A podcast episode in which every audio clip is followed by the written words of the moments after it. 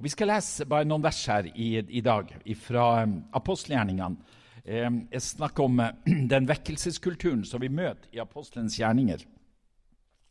Og i, um, i andre kapitlet så spør folket hva er det her som skjer på pinsedag. Og så sier uh, Peter som svar på det, det var noen som fleipa og sa de har drukket seg fulle av søt vin. og Det er derfor de oppfører seg sånn her. Uh, men så står Peter frem og sier han, det som skjer her, er det som er sagt gjennom profeten Joel. At i de siste dager skal det skje, sier Gud, at jeg øser ut min ånd over alle mennesker. Deres sønner og døtre skal profetere, de unge skal se syner, de gamle skal ha drømmer, drømme drømmer. Ja, selv over mine slaver og mine slavekvinner vil jeg i de dager utøse av min ånd, og de skal tale profetisk. Jeg setter varsler på himmelen og tegn nede på jorden, blod og ild og røykskyer, solen skal forvandles til mørke og månen til blod, før Herrens dag kommer, den store og strålende, og hver den som påkaller Herrens navn, han skal bli frelst. Eh, denne profetien fra Joel tror jeg ikke bare gjelder eh, på pinsedag, eller gjaldt når den ble sagt, og for en fjern framtid. Men jeg tror også det gjelder spesielt den siste tid og tida før Jesus skal komme igjen. Eh, og vi vet at akkurat nå så lever vi i verdens sterkeste vekkelsestid. Det har aldri noensinne i historien vært sånne gjennomgripende vekkelser som det akkurat nå rundt i verden. Eh, Brasil er bl.a. et land som er blitt totalt forvandla vekkelse. Et gjennomkatolsk land eh, som har blitt forvandla til et evangelisk land. De regner med at det er over 40% gjenfødte troende kristne i, eh, i, Brasil nå. Jeg så en video for en stund siden ut av en sånn, en sånn stor samling for ungdommer. Det var 1,2 millioner mennesker som var samla på en sånn svær slette i Brasil. Og Plutselig så falt Den hellige ånd, og det var som vind som blåste i en kornåker, der folk datt om kull pga. Guds kraft som var over dem eh, i Brasil. Og det her starta med noen vekkelsesfolk, egentlig. Den sterkeste greina av den vekkelsen var to pinsevenner fra Sverige som reiste over som misjonærer. Og så brøt vekkelsen ut, og så har det blitt det det har blitt. Og det er sannheten om veldig mange deler av verden. Det er at vekkelsens ånd brenner i denne tida her. Og jeg har sånn, en sånn lengsel etter at i Norge også skal reises igjen en sånn vekkelseskultur. Der vekkelse settes på agendaen. Det er jo mange som spør meg tror du på vekkelse i Norge. Um, og jeg bruker å si det at Selvfølgelig tror jeg på vekkelse, fordi at jeg sjøl lever i vekkelse. Gud han vekker meg hele tida. Jeg lever i det her bønnelivet som vi har. Jeg prøver å søke Gud. Jeg, jeg faster, jeg ber. Jeg skulle ha fasta mye mer, som du ser, men, men sånn er nå den saken. Men i alle fall så, så, så, kjenner jeg at jeg lever midt i det her strømmen som er der. Og derfor så tror jeg at dette er svaret inn i vår nasjon, som kan bringe håp og hjelp til denne nasjonen her. Og Derfor er det at jeg har sånn veldig tro på det her med bønn. For det som var på en måte grunnmuren under vekkelsesbevegelsene, som egentlig skrev Norges historie for 100 og 200 år siden, det var det sterke bønnelivet som var i de her vekkelsene som gikk over landet. Norge har vært spesielt land i Europa. Jeg håper du er klar over det når det gjelder vekkelse. Gang på gang så har Gud sendt sånne landsvekkelser, eller vekkelser som har prega mye av landet vårt. Ifra den læstadianske vekkelsen, så var han også en sterk bønnevekkelse, Haugevekkelsen, som hadde et kolossalt bønneliv. Han, eh, Jan Halvorsen, som har forska mye det her, han som er pastor i Soe-menigheten nede, nede i Sarpsborg. Han sier at bønnemøtene i Fredrikstad med Hans Nils Nauge pågikk utover natta. De klarte ikke å stoppe. Og Hans Nils Nauge han talte ord som han ikke forsto. Så etterpå så ba han Gud om unnskyldning, for han snakka så mye tull. Og da tror de at han talte i tunge. Og det prega de her bønnemøtene. Det brant en vekkelsesild som gjorde at det var sterke bønnemøter som prega uh, Haugevekkelsen. Det fortsetter sammen med Fransson-vekkelsen, Lunde-vekkelsen, en av de tidlige vekkelsene i Oslo, som var enormt sterk, der tusener ble frelst, var prega av sånne sterke bønnemøter. Og, og um, han Albert Lunde, da, som, som sto i den vekkelsen, en, en enkel evangelist fra Sørlandet, som hadde blitt møtt av Gud under Moddy-vekkelsen i USA, kom til landet med denne brannen. Og så brøt vekkelsen ut i Oslo. Så brøt den ut i Göteborg, så brøt den ut i Stockholm, så brøt den ut i Helsingfors. Og en av de som ble frelst i Helsingfors, det var presidenten i Finland som tok imot Jesus. Og Han ble invitert på, til kong Haakon på Slottet i 21. Og Så spurte kong Haakon om det var noen i Norge han ville møte når han kom på, på sånn visitas. Så sa han jeg vil møte Albert Lunde, evangelisten. Så Han var den eneste sa de, som ble invitert til Slottet, sammen med den finske presidenten. Men det som holdt oppe disse vekkelsene her, det var den bunnlinja som var ut av mennesker som ba til Gud. De sa under mangsvekkelsen så var det sånne enormt sterke bønnemøter der de bare ropte og skreik og ba til Gud. Og mange sånn undres jo på hvorfor Oslo var så annerledes enn alle. Han hadde jo stått i mange vekkelser, men det var ingen vekkelser som Oslo-vekkelsen, som pågikk i over fem år. Uh, og de regnet, Noen regna med at kanskje så mye som 20 000 mennesker ble frelst i Oslo. De regna med at ringvirkningene av mangsvekkelsen utover landet var 150 000 mennesker som ble frelst som en ettervirkning og ringvirkning ut av det som skjedde. Og Frank Mangs han sier at det må være en kilde til vekkelsen i Oslo. Det må være noe spesielt i denne byen her som gjør at det bryter sånn gjennom i Oslo. Og Han leter etter å finne denne kilden. Og Så fortalte de han om ei gammel dame som lå på et kvistværelse i en bygård og ba til Gud. Hun hadde bedt i årevis om vekkelse over Oslo. Hun var sengeliggende. Og Så forteller Frank Mangs da han kommer inn på det kvistværelset der, så kjente sa han at nå står det på hellig grunn. Og Så så han veggen på over senga til denne gamle dama. Den var tapetsert med annonser fra Aftenposten, der de som bodde under, de hadde klippa ut møteannonsene for Mangs-møtene, og så hadde hun tapetsert de opp på veggen. Og så lå hun der og ba til Gud. Og så kjente Frank Mangs igjen her er den egentlige kilden til vekkelsen i Oslo. Mennesker som ba og søkte æren. De spurte Frank Mangs hvor mye ber du, Frank Mangs? Og han sa jeg ber iallfall 17-18 timer per dag. Og så stoppa han opp. Nei, så sa han, ikke 17-18 timer. Jeg ber 24 timer i døgnet. For når jeg våkner om natta, så våkner jeg med at jeg ber, eller at jeg taler i tunge, eller at jeg synger på en lovsang. Så jeg tror det indre er i gang hele tida. Han var en bønnens mann og vekkelsen fløt gjennom han. De forteller når Barrat kom til Oslo, så var det sånn enormt sterke bønnemøter utover nettene. Eh, Barrat kunne danse i Den hellige ånd med øynene lukka, og han kom ikke borti noen ting, sa de. Han var liksom leda ånden mellom stolrekken og mellom bordene mens de lovpriste Gud og ba til Gud. En sterk bønnevekkelse som lå i bunnen av dette her. Og en av de som, som bar vekkelsen videre i Frank Mangs, etter Frank Mangs, var Henry Johansen, en, en fantastisk evangelist som samla tusener rundt omkring. Han er pappaen til Asbjørn Johansen og bestefaren til, til han, eh, Bård Tufte Johansen, han komikeren. Eh, så, så Fra den slekta der. Og Henry han var også en sånn bønnens mann som, eh, som, måtte ha mye bønn hvis det skulle fungere. Og Han knytta til seg en, eh, en, eh, luthersk prest fra USA som heter Armin Gesswein, som har skrevet en bok som heter 'Alt ved bønn'. hvis dere har lest Den den er, er fascinerende. Og Han hadde en sånn lengsel etter sterk bønn i menighetene siden han var prest i, i Chicago. og De kicka han ut av menigheten, for han ba for mye. Han ville bare be. Og det, det, likte ikke menigheten så godt. Og så var han så lengtende etter vekkelse. Så reiste han til London, for han hørte det var vekkelse i London. Og så fikk han høre om Mangsvekkelsen. Og så kom han til Oslo og ble med i bønnemiljøet der i Mangsvekkelsen. Og så var det Henry Johansen som var, var pastor i Tromsø, i Misjonskirka i Tromsø. Han hørte om vekkelsen i Oslo og, og kjente jeg må berøres av den vekkelsen. Reiste ned til Oslo. Når han kom ut av toget og de hentet han, så, så spurte de vil du på hotell eller vil du på vekkelsesmøte. 'Jeg vil på vekkelsesmøte', sa han. Og Da var det 5000 samla i det store teltet på Majorstua.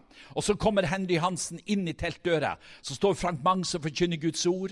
Og Så eh, stopper han opp og så peker han ned mot døra og sier han, 'Du utslitne pastor, i dag vil Herren møte deg', sa han. Og der ble Henry Johansen sitt liv forvandla. Så ble han den flammende vekkelsesevangelisten. Og de, de, forteller det at vekkelsen i Stavanger med Henry Johansen var så sterk at hele byen var berørt. De, de lager sånne regler. Det var ei lita bønnegruppe i, i, statskirka som inviterte han, at han skulle komme av vekkelsesmøter. Og så brøt vekkelsen ut. Og Så ble det dannet menighet, og så var det sånn i, i reglene for menigheten at ingen gammelfrelste fikk lov å gå inn i den menigheten. Den var bare for nyfrelste. Og Så skulle han starte møtet i Haugesund. Så, han, så tok han med seg med seg 1000 nyfrelste til Haugesund. Vi måtte ha fire kystdampere for å få de over til Haugesund. Og så brøt vekkelsen ut i Haugesund. Så brøt den ut i Ålesund, så brøt den ut i Trondheim, så brøt den ut i Kristiansund, så brøt den ut i Stavanger. Og alt var båren opp av en sterk bønnebevegelse. Og eh, Armin Gesswein han sier det. Ikke før jeg kom til Sør-Korea, så møtte jeg sånne bønnemøter som vi hadde i Stavanger og Haugesund. Den samme vekkelsesbønna som lå der. Og jeg tenker på det at mange av oss som er her i dag, vi er eldre mennesker. Jeg er blitt en eldre mann. Og Da er det spørsmål om om vi vil være sånne vekkelsesfedre og vekkelsesmødre som vil føre dette videre til neste generasjon. Det er min drøm når det gjelder bønnesenteret på Levanger. Og Jeg var så berørt nå i, i Vi avslutta på tirsdag Encounterfestivalen og så alle de ungdommene som kommer der. Vi har ikke noe heftig program på, på det her Encounterfestivalen, men vi har 24 timers bønn. Det bes i bønnetårnet natt og dag under, under, konferansen. Det er mye forbønn, det er sterk lovprisning, og så ser du unge mennesker som blir begrepen av det her. De får lyst til å be til Gud.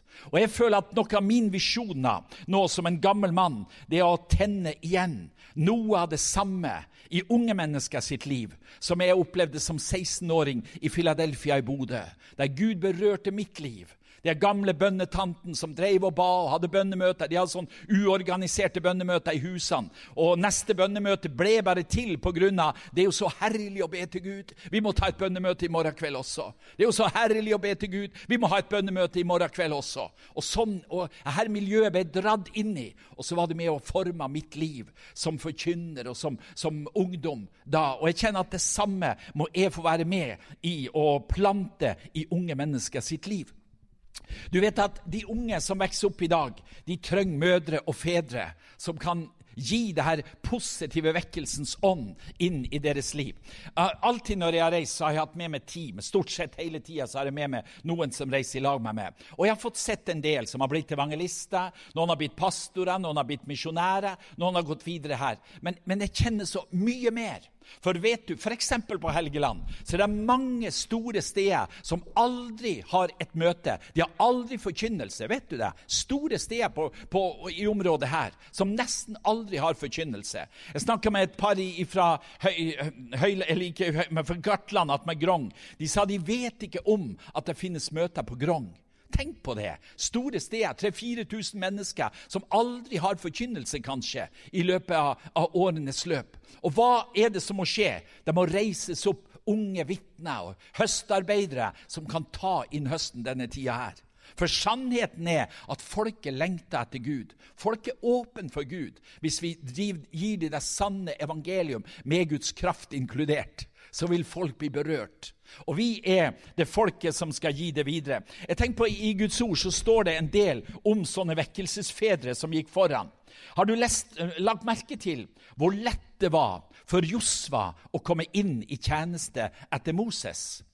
Moses hadde en forferdelig kamp. Han unnskyldte seg med alt mulig. og 'Jeg kan ikke snakke, og, og jeg er ikke noe talens mann.' Og, og Det står at, at, Gud ble harm på Moses, at han kunne argumentere så imot det kallet som han ga ham. Det var en voldsom kamp for han. Men Moses han bar det kallet som Gud hadde gitt han. Og så står det om en ung gutt som eh, begynte å be i sammen med ham. Når Moses starta det her bønneteltet utenfor leiren, ikke tabernaklet, men møteteltet, som han kalte det. Og så står det Og så talte Herren med Moses ansikt til ansikt, slik som mennesker snakker med hverandre. Siden vendte Moses tilbake til leiren, men tjeneren hans, en ung gutt som heter Josva, sønn av Nun, forlot aldri teltet. Ser du hva Moses klarte å forme i Josva sitt liv? Bønnelivet var på plass hos Josva. Og så står det på, på slutten, i, i, før vi går over i Josvas bok, så står det Josva, sønn av Nun, var fylt av visdomsånd fordi Moses hadde lagt sine hender på, på ham, og israelitene var lydhøre mot ham og gjorde som Herren hadde befalt Moses. Her reises det opp en disippel ut av den, den far som Moses var for Josva. Og vi vet at i historien så er det Moses som er liksom den store Jesus og disiplene på fjellet, det var Moses. Men tenk hva, hva det har vært hvis ikke Josva har vært reist opp. Hvordan hadde det gått med israelsfolket? Det var Josva som førte de videre og førte de inn i landet. Og Jeg ser for meg at det må reises opp en ung generasjon nå som kan føre vekkelsen videre. Men de trenger fedre og mødre som de kan stå på skuldrene til, og som kan være med å bære de inn i den vekkelsesstrøm som Gud har for oss. Hvis du ser f.eks. på Elisha Det, det er så sterkt å lese om, om Elisha fra, fra Kongenes bok. Skal vi se, se på et, et skriftsted der. Du vet når eh, Elias hadde endt sin tjeneste og, og var klar til å, å, fare herifra, så eh, er det at eh, han sier det at uh, skal vi se, Hvis vi ser fra kapittel 2 i andre kongebok, så står det Mens de gikk over, sa Elia til Elisha, si meg, hva kan jeg gjøre for deg før jeg blir tatt ifra deg? Elisha sa, la meg få din ånd i dobbelt mål. Han er frimodig, gutten. Tenk på det. Tenk hvordan Elisha hadde vært en, en, sånn mektig profet. Og så sier han, 'La meg få din ånd i dobbelt mål'. Elisha svarte, 'Det er vanskelig, det du ber om, men hvis du ser meg når jeg blir tatt fra deg, da skal du få det, ellers ikke.' Mens de gikk der og snakket sammen, kom det brått en ildvogn med hester foran og skilte dem fra hverandre, og Elia for opp til himmelen i stormen. Da Elisha så det, ropte han, 'Min far, min far'. Israels vogner og hester. Her ser du det på nytt igjen. Og tenk hvor, enkelt det var for Elisha å komme inn i tjeneste pga. at Elia hadde brøyta veien for ham. Det står om når det gjelder Elisha, at han gjorde 14 forskjellige mektige mirakler som skjedde i, hans liv. Mens Elia var det syv mirakler. Altså han, han gjorde faktisk dobbelt så mange tegn og under som sin far, men han førte det videre. Og han fikk lov å stå på skuldrene til, til, Elias.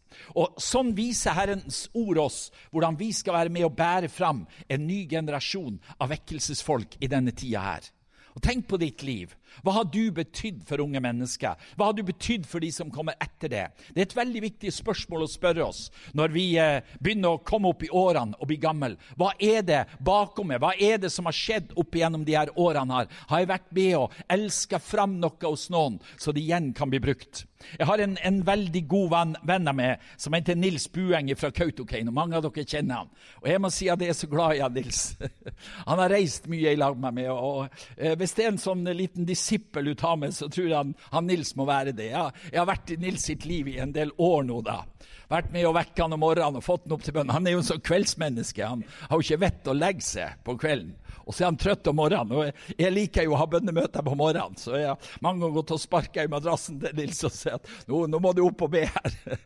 Jeg er jo så heldig at jeg er kveldsmenneske. Jeg liker også å være oppe på kveldene. Men så har jeg ingen problemer med å stå opp f.eks. i femtida på morgenen. Det, det, gjør meg ingenting. Jeg, jeg, trenger ikke så veldig mye søvn da. Så det har vært litt tøft for de her karene å reise i lag med av og til. For jeg liker å be om morgenen. Men, men der Nils han er en sånn herlig gutt, da. Og så ringer han meg hele tida og gir meg rapporter. og jeg har jo fått par rapporter opp fra Finnmark nå om de her herlige møtene de har hatt på Betesta og Philadelphia. Og får høre om noen har blitt frelst, og noen har blitt helbreda, og noen har blitt møtt av Gud. Så får du høre hvor mye som har kommet inn i kollekt. Det, det, får du høre også hver gang. Så han var helt i fisteledd til møtet på Philadelphia nå i, i, Alta. 46 000 hadde kommet inn i kollekt, som skulle såes inn i misjon både i Sverige og, og flere plasser. Men det er så utrolig herlig å ha sånne som kommer etter, og som har tatt tak i noe av det samme. Og Det, det som har vært viktig for meg opp igjennom tida, det er å plante det her med bønn i hjertet deres. Og hvorfor er bønn så viktig? Du vet, Bønn er så viktig fordi at når vi roper til Gud, så ser Gud at vi trenger hjelp. Han se, hører vårt rop, står det. Det står når du søker meg av hele ditt hjerte, så skal du finne meg. Hvorfor drive og rope? Hvorfor vil jeg hele tida fokusere at vi må be til Gud, vi må ha mer bønn, vi må søke Gud? Jo, fordi at det er det som er kilden til at livet fra himmelen skal flyte til oss. Du vet, Det å ikke be er et veldig sterkt signal, det også. For da sier du veldig klart imot himmelen 'Jeg trenger jo ikke din hjelp, Gud. Jeg klarer meg sjøl'.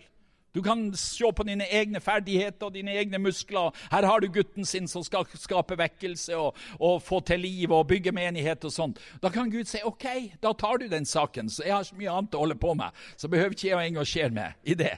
Men du vet at bønn er et sånt signal å si Gud, du må komme og hjelpe oss. Jeg klarer det ikke sjøl, jeg får det ikke til. Jeg har ikke evnene som skal til å bygge ditt rike. Om ikke du kommer, Herre, så vil det ingenting skje. Og Derfor er bønn så viktig. Det er et sånt signal imot himmelen om hjelp, at Gud må komme oss til hjelp inn i vår nød og berge det her folket og berge det her landet. Jeg var I, eh, i januar så var jeg og besøkte ei sånn vekkelsesmenighet i Finland, i Seinäjoki, pinsemenigheten i Seinäjoki. Ei fantastisk menighet. De har 13 bønnemøter i uka i menigheten og, og samler opp i over 1000-1500 mennesker på bønnemøtene. Og folk drar langveis fra i Finland for å komme på bønnemøte i, eh, i Seinajoki. Og eh, Timo Næri, en av pastorene der, han sa det at det er så forunderlig nå, sa han i Seinajoki, For det er akkurat som det ligger ei tåke av Guds kall over byen. Folk er kalt av Gud overalt. Og vi gjør ikke noe spesielt, sier han. Vi bare ber til Gud. Og så kommer den atmosfæren som er i bønnesamlingen vår. Det har liksom berørt hele byen. Og jeg vet ikke om dere hørte det som skjedde for to år siden. Før jul så var det ei, dame som var på kjøring inn mot Seinajokki. Og plutselig så ser hun et sånt lys inne i skogen. Og hun tror det er skogsmaskiner som holder på å jobbe med tømmeret. Det er jo mye tømmerdrift der oppe. Og så når hun kommer nærmere, så ser hun en svær engel som står i veikanten. Ca. 20 meter høy, sier hun han er. Og så har han utbredte vinger, og så står det på den ene vingen Nå er det høsttid. Sving sigden, står det. Og Timo Næri han sier det at etter den opplevelsen som den dama Hun var på radioen med det og fortalte om det som hadde skjedd, og flere hadde også sett det. Så sier han så var det som at hele Seinäjoki var berørt av Guds kall. Det var høsttid i Seinäjoki. Jeg snakka med han på telefonen for en stund siden og sa han, nå er det ikke bare vår menighet som er en sånn bønnemenighet, men alle menighetene i Seinajokki har blitt sånne bønnemenigheter der de driver og ber til Gud og søker Gud, og så er vekkelsen et faktum. De ber med syndere hele tida til frelse. Har dåp nesten hver helg, der de døper nye mennesker og utvider lokalet sitt. Og, og masse ting skjer på grunn av at de ber til Gud. Og Det er bare et sånt eksempel på at det er mange som sier at det er greit i Afrika at de ber, og det er greit i Brasil at de ber, og det er greit i Sør-Korea, men i Norge så kan det jo ikke skje noe, for her er vi blitt så sekularisert, og vi er blitt så versliggjort, og vi har fått så mange dårlige lover og dårlige politikere. og Det er mange som, som tenker sånn sånn. Men jeg tror at Norge kan forvandles med bønn. Jeg tror at dette landet kan reises igjen gjennom et sterkt bønnefolk. Vi har en menighet i Kristiansand som heter Philadelphia, som er en forunderlig menighet. Som har drevet og bedt på en sterk måte i mange år. Hatt store bønnemøter som har samla kristenfolk fra hele Kristiansand eh, til bønnemøter. 200-300 iallfall som kommer sammen eh, til de faste bønnemøtene i uka. Og Så finnes det en mann fra Troms, Tromsø-området som, som, heter Hilbert Norheim, som har båret mye av dette her.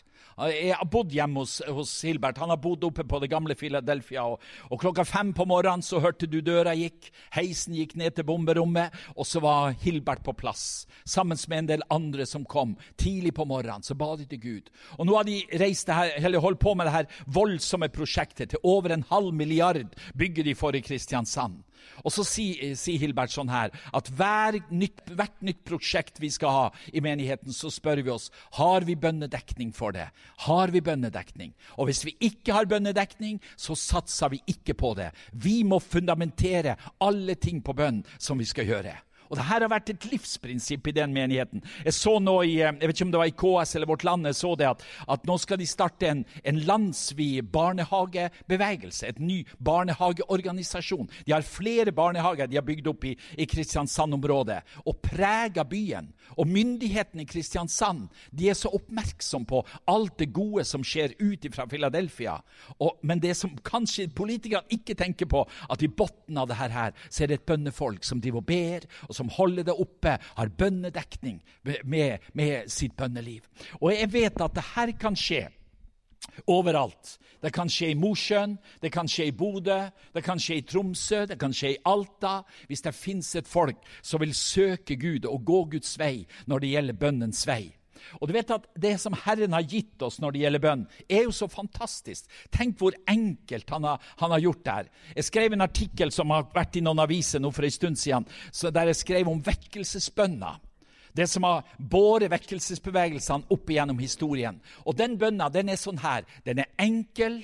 Den er lett tilgjengelig for alle sammen. Jesus sa når han snakker om bønn, be, så skal du få.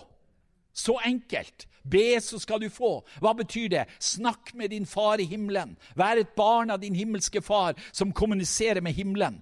Og så ber du på en enkel måte, og så vil Gud bruke dine enkle bønner. En annen ting som preger den nytestamentlige bønnen, er takk og lovprisning. Paulus han skriver nesten ikke en eneste gang om bønnen uten at han sier han, jeg takker alltid Gud for dere når jeg ber. Han la takken i fronten. Og fyller du bønnelivet ditt med mye takk, mye lovprisning og begeistring, så vil du bevare det friskt, og du vil kjenne gleden av det å be. Det er ikke trist å be til Gud. Jeg bruker å si det at bønn er virkelig snadder. Det er så herlig å be til Gud. Og jeg kjente det i morges også når vi ba, ba der nede, Marvin. Er det ikke godt? Halleluja. Marvin er en sånn, en sånn bønnefyr oppe fra Bodø som driver og ber.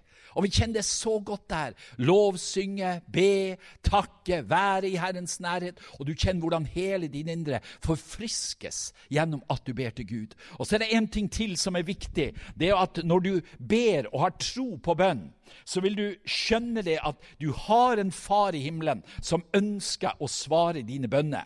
Når Jesus underviser noe med det sterkeste han underviser, i Lukas evangeliet 11, de har kommet til han og sa, 'Herre, lær oss å be', så avslutta Jesus den undervisninga med å si at dere som, når dere som er jordiske fedre, vet å gi barna gode gaver, hvor mye mer, sier han, skal ikke den far dere har i himmelen, gi sine gode gaver til den som søker han?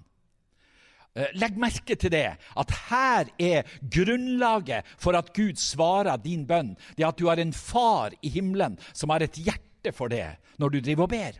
Det er en som har sagt det sånn at hvis du vil undersøke hvor mye en kristen forstår av kristendommens natur, så skal du spørre dem om Guds fars hjerte. For vet de om Guds fars hjerte og barnets forhold til den himmelske pappa, da er du på plass med ditt kristenliv og du er på plass med ditt bønneliv. Du har en far som elsker å svare, ikke bare som du, en jordisk far, vil gi dine barn, men du har en far i himmelen som vil så mye mer. Legg merke til det lille uttrykket 'mye mer' vil han gi av sine gode gaver til den som søker han. Og den som er trofast i bønn, han vil oppleve det at Gud han er en bønnsvarende Gud. Han er ikke bare en bønnhørende Gud, men han er en bønnsvarende Gud som kommer og svarer på din bønn. På bønnesenteret i Levanger så har vi en sånn takkevegg der vi har tapisert med alle takkene som kommer inn. Og Det kommer jo tusenvis av bønnebegjær hele tida til oss, på telefon og e-mail og brev og alt sånt her. Og så kommer takkene, da. Takkelappene og takkebrevene. Så vi henger de opp på en sånn egen vegg der folk kan gå og studere. og Det er veldig inspirerende lesning. Og Så rydder vi veggen av og til, og så setter vi opp nye, og det kommer hele tida inn. Fordi at Gud han er trofast når det gjelder å svare bønn.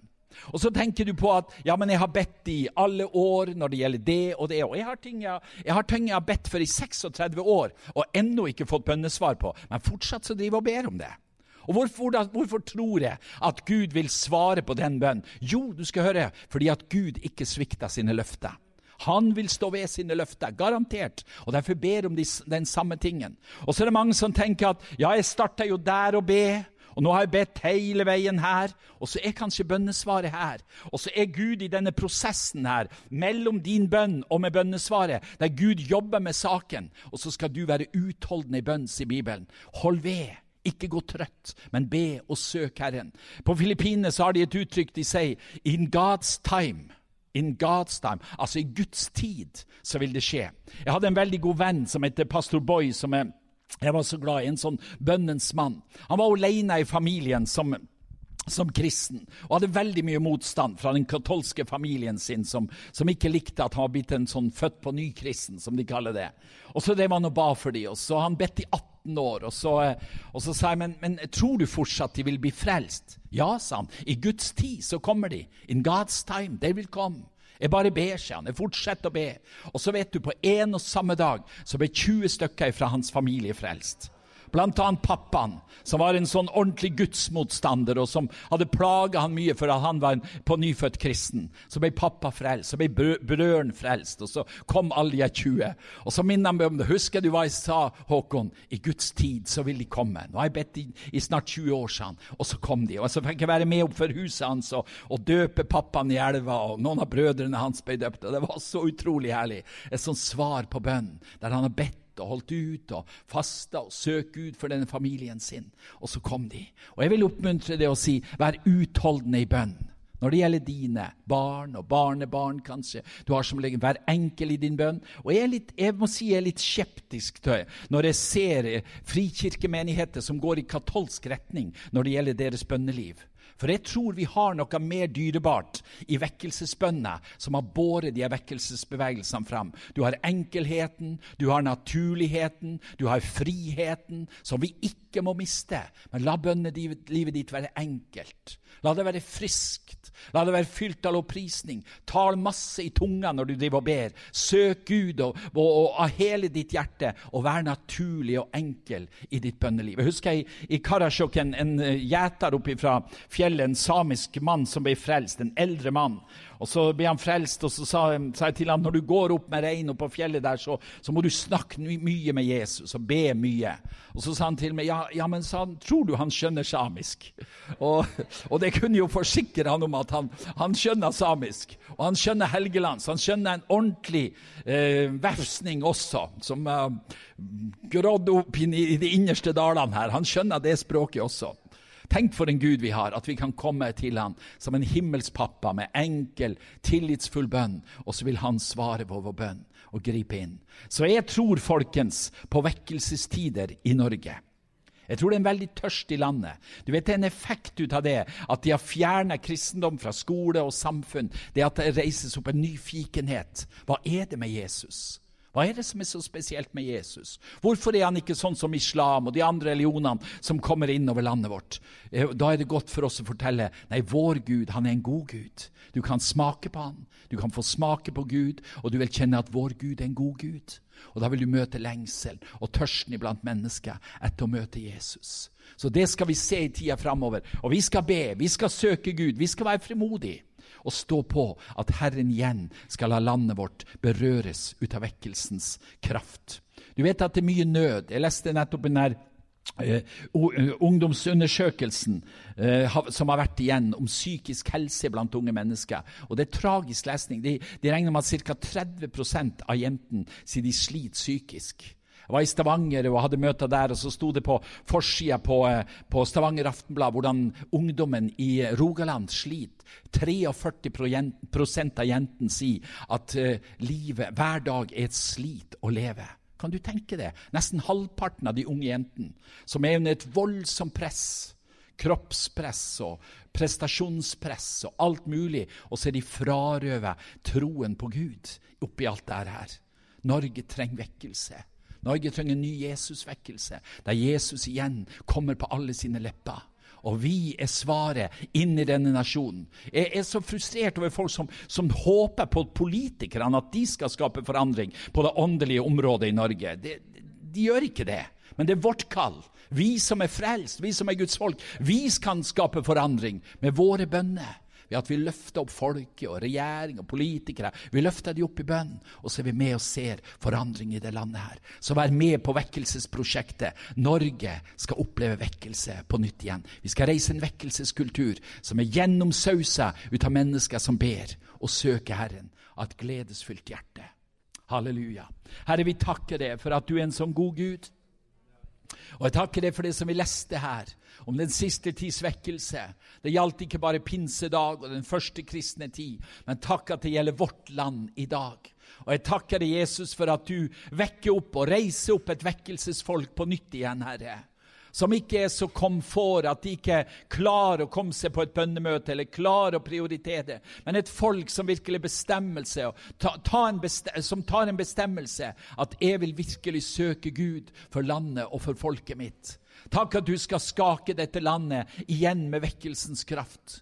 Takk for det som vi er en del av disse dagene her med Evangeliesenteret, som har vært den siste virkelig store vekkelsesbevegelsen i landet vårt, der tusener har blitt berørt av evangeliet gjennom Evangeliesenteret. Og jeg ber at du fortsatt skal bruke de som en vekkelsens kraft inn i dette landet. Jeg ber du skal velsigne landsstevnet på Østerbono, Herre. La det være en sånn gjennombruddssalvelse over stevnet i år, der mange mennesker får lov å møte det på en helt spesiell måte nede på Østerbo, Herre.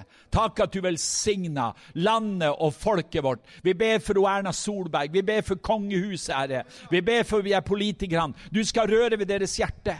Herre, jeg var så grepet når, når kong Harald sto der og sa noe med det sterkeste som har skjedd i mitt liv, var når jeg ble velsigna og innsatt som konge i domkirka i, i, Trondheim. Herre, takk, Jesus, for at du skal gå videre i kongefamilien. Berøre deres hjerte sterkt, og la de stå fram som levende, frimodige kristne i tida framover, Herre. Skak dette landet, Herre, på en spesiell måte, på nytt igjen med vekkelsens kraft. Og reis opp vekkelsesbærere som kan bære ditt rike videre i dette landet. Takk at du skal gjøre det. Hjelp oss, Herre, å være fedre og mødre som foster fra mennesker som bærer vekkelsens ånd videre i dette landet. Det ber om i Jesu Kristi navn.